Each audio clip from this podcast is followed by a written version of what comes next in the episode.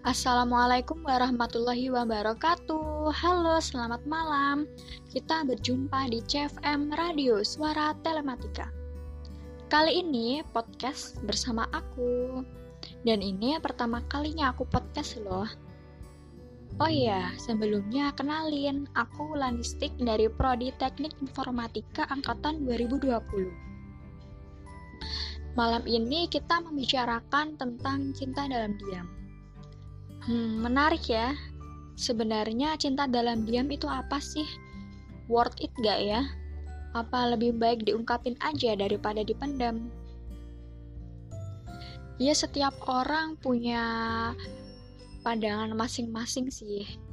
Apa itu cinta dalam diam? Tapi cinta dalam diam ini menurut aku lebih baik daripada kita pacaran.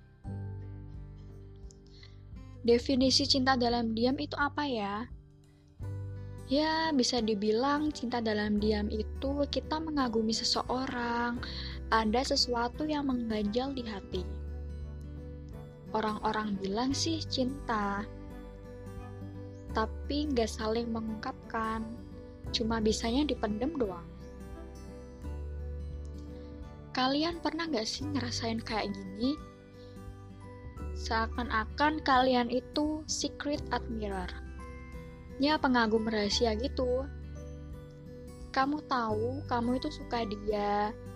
Kamu suka karena attitude-nya, suka pola pikirnya, suka semua deh yang ada dalam dia itu. Pokoknya dia tuh perfect banget di mata kamu. Kamu hanya bisa mengagumi dari jauh Mungkin karena ngerasa minder sama dia, ngerasa insecure, ngerasa gak pantas buat dia. Ngerasa di luaran sana itu banyak yang cantik dari kamu misalnya. Jadi gak bisa ngungkapin langsung karena berpikir ya, masa cewek dulu sih yang ngungkapin duluan? Pasti ada nih cewek-cewek yang tipe-tipenya kayak gini tapi dari semua itu, kamu paham, lebih baik cinta dalam diam. Hanya kamu sama Tuhan yang tahu. Siapa nih yang diam-diam suka merhatiin dia dari jauh? Diam-diam mendoain dia, diam-diam stalking sosmednya dong, cuma pengen tahu kehidupan sehari-harinya tuh kayak gimana. Aku dengar dengar sama baca-baca nih banyak yang bilang kalau cinta dalam diam itu sakit. Ya gimana gak sakit ya?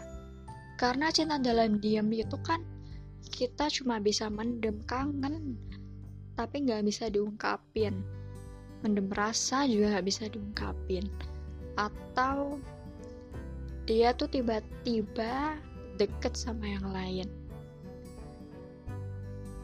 kita nggak bisa ngelarang juga kan. Dia itu mau deket sama siapa. Dia itu habis ngapain aja. Ya sadar diri kita itu bukan siapa-siapanya. Oh ya tapi kalian ingat nggak ya kisah cintanya Fatimah sama Ali tahu nggak bahkan setan atau jin itu nggak tahu kalau sebenarnya Fatimah itu mencintai Ali.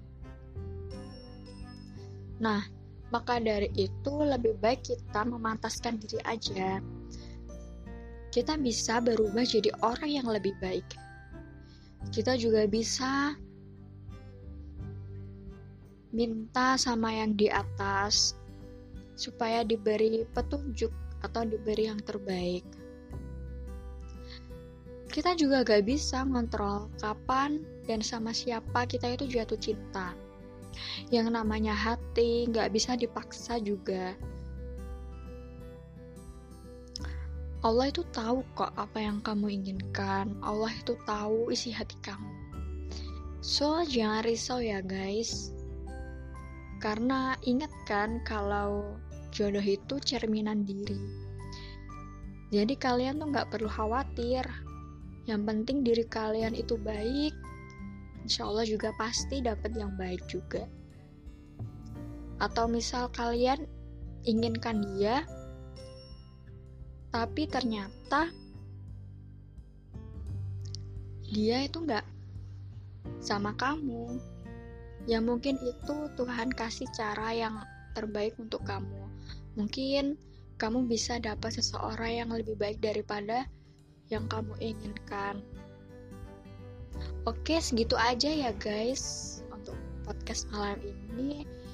Sorry banget nih kalau misal omongan aku atau kata-kata aku itu kurang enak didengar atau masih ada salah-salahnya. Cukup sekian ya. Nanti kita bincang-bincang lagi atau kita adain podcast lagi untuk judul-judul yang lain atau tema-tema yang lain yang lebih menarik. Oke, okay. Assalamualaikum warahmatullahi wabarakatuh.